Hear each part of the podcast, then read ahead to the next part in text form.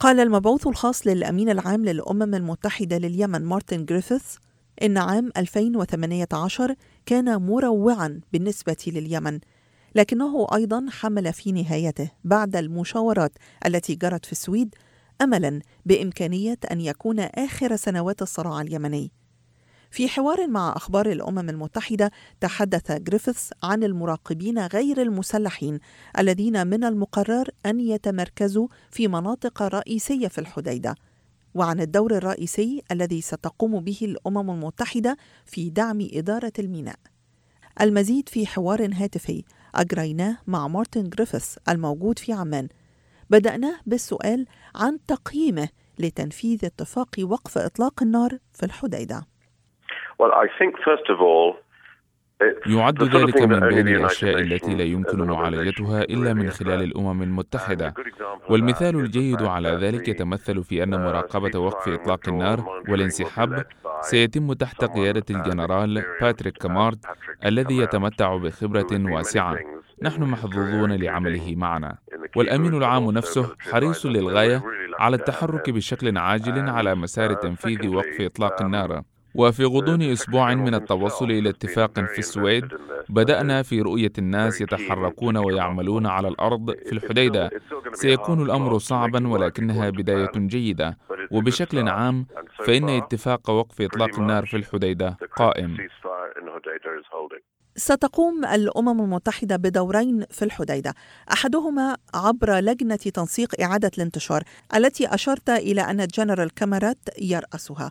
ما القدرات المتوفرة لديه لتنفيذ هذا الدور على الأرض؟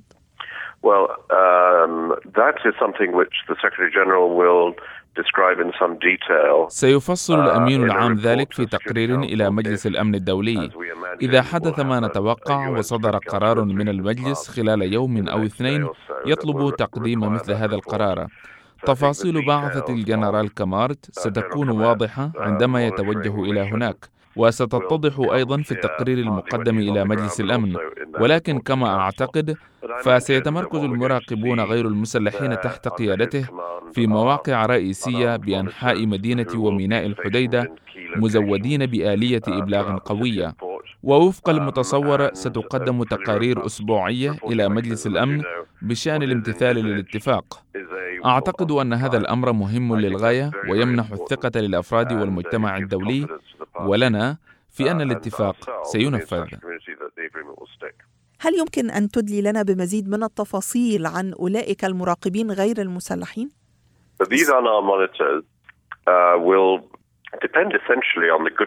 سيعتمد أولئك المراقبون غير المسلحين بشكل أساسي على حسن نوايا الأطراف. الجنرال كمار تعقد اجتماعا مع اللجنة التي يرأسها يوم الأربعاء.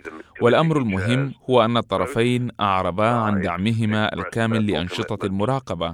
ونحن نعلم أن ممثلي الطرفين يعرفان بعضهم البعض جيدا وقد عملوا معا من قبل. ويعطينا ذلك بعض الثقة. لا يمكن أن ينجح اتفاق لوقف إطلاق النار عبر المراقبة فقط. ولكن النجاح يأتي عبر إرادة الطرفين. ولم أسمع من أي من الطرفين ما يثير الشكوك في أنهما سيلتزمان بذلك. لا يعني هذا أن الأمر سهل ولكنني واثق أن الإرادة موجودة. ماذا عن الدور الرئيسي الذي ستقوم به الأمم المتحدة لدعم إدارة ميناء الحديدة؟ كيف سيتم ذلك؟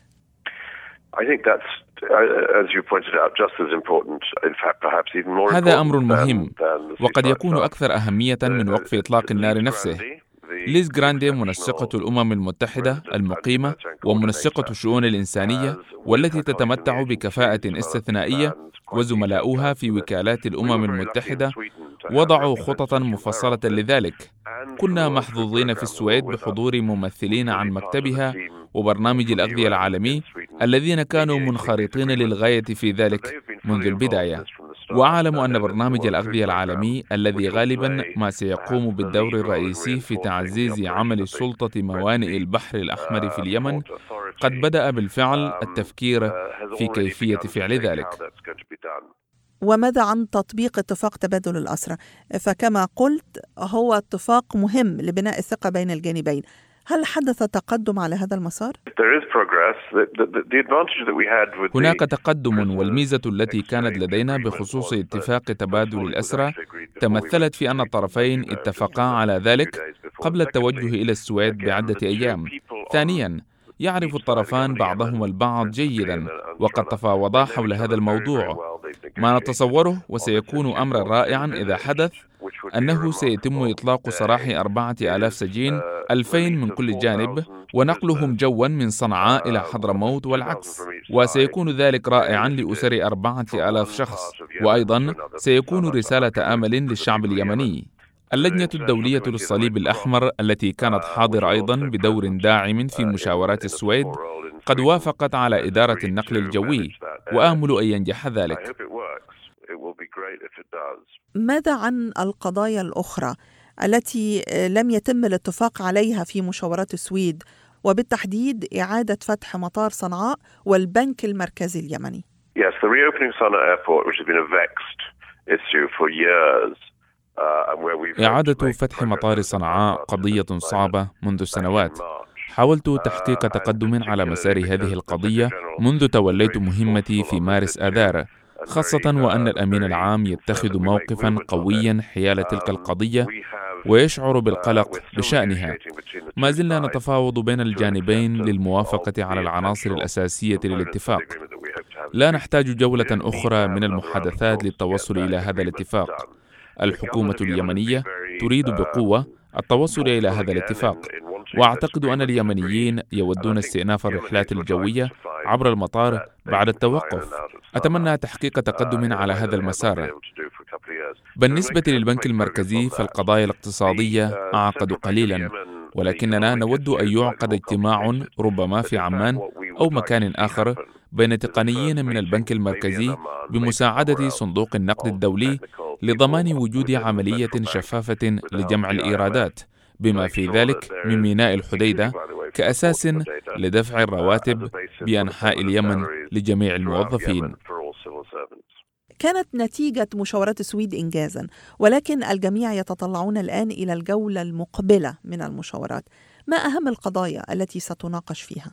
What I hope we can achieve in the next round ما آمل أن أتمكن من تحقيقه خلال الجولة المقبلة وبالطبع سأسعى لموافقة الرئيس عبد رب منصور هادي حول التوقيت والمكان وكذلك موافقة قيادة أنصار الله ما نأمل في الأمم المتحدة في رؤيته خلال الجولة المقبلة من المشاورات هو بحث العناصر الأساسية للحل السياسي للصراع.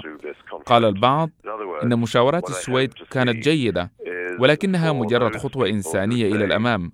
فمن المهم الآن أن نتفق على أن تكون الجولة المقبلة خطوة سياسية إلى الأمام.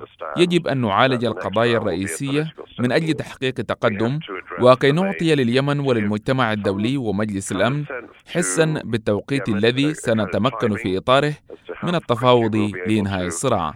أعتقد أن الجولة المقبلة من المشاورات ستقدم إجابات أوضح لتلك الأسئلة. شهدنا النتيجة النهائية لمشاورة السويد. ولكن خلف الستار أثناء هذه الجولة من المشاورات هل صارت لديك أي تساؤلات تجاه العملية برمتها؟ طوال الوقت في الحقيقة كنا سعداء للغاية بالوصول إلى السويد ورؤية الطرفين يجلسان مقابل بعضهما على نفس الطاولة.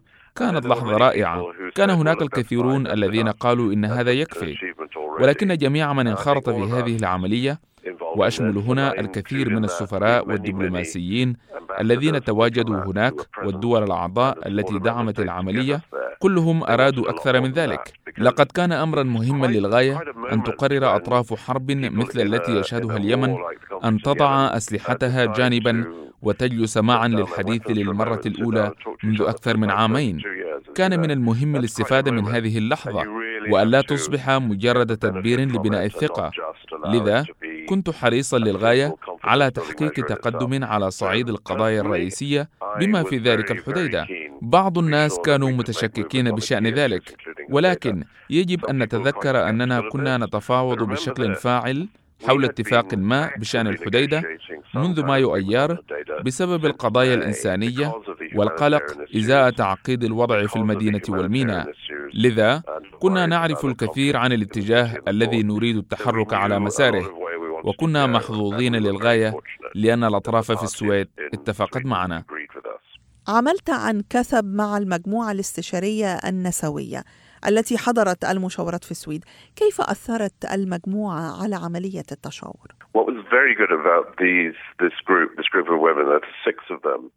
كنت أقابل عضوات المجموعة الست كل يوم.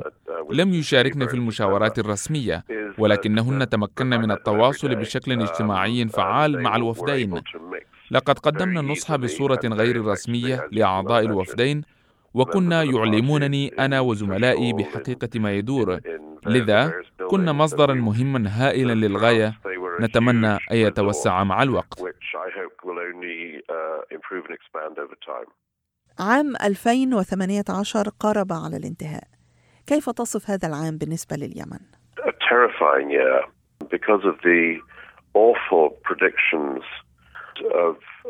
كان عاما مروعا بسبب توقعات حدوث المجاعة والمعارك التي وقعت. ولكن مع مرور الأشهر شهدنا تركيز المجتمع الدولي على الحاجة إلى التوصل إلى حل سياسي. أيضا كان 2018 في النهاية عاما للأمل. وهذا ما نعتقد أن مشاورات السويد تمكنت في فعله. يعني هذا أن عام 2019 إذا حالفنا الحظ وبإرادة الأطراف سيكون السنة التي ننهي فيها هذا الصراع.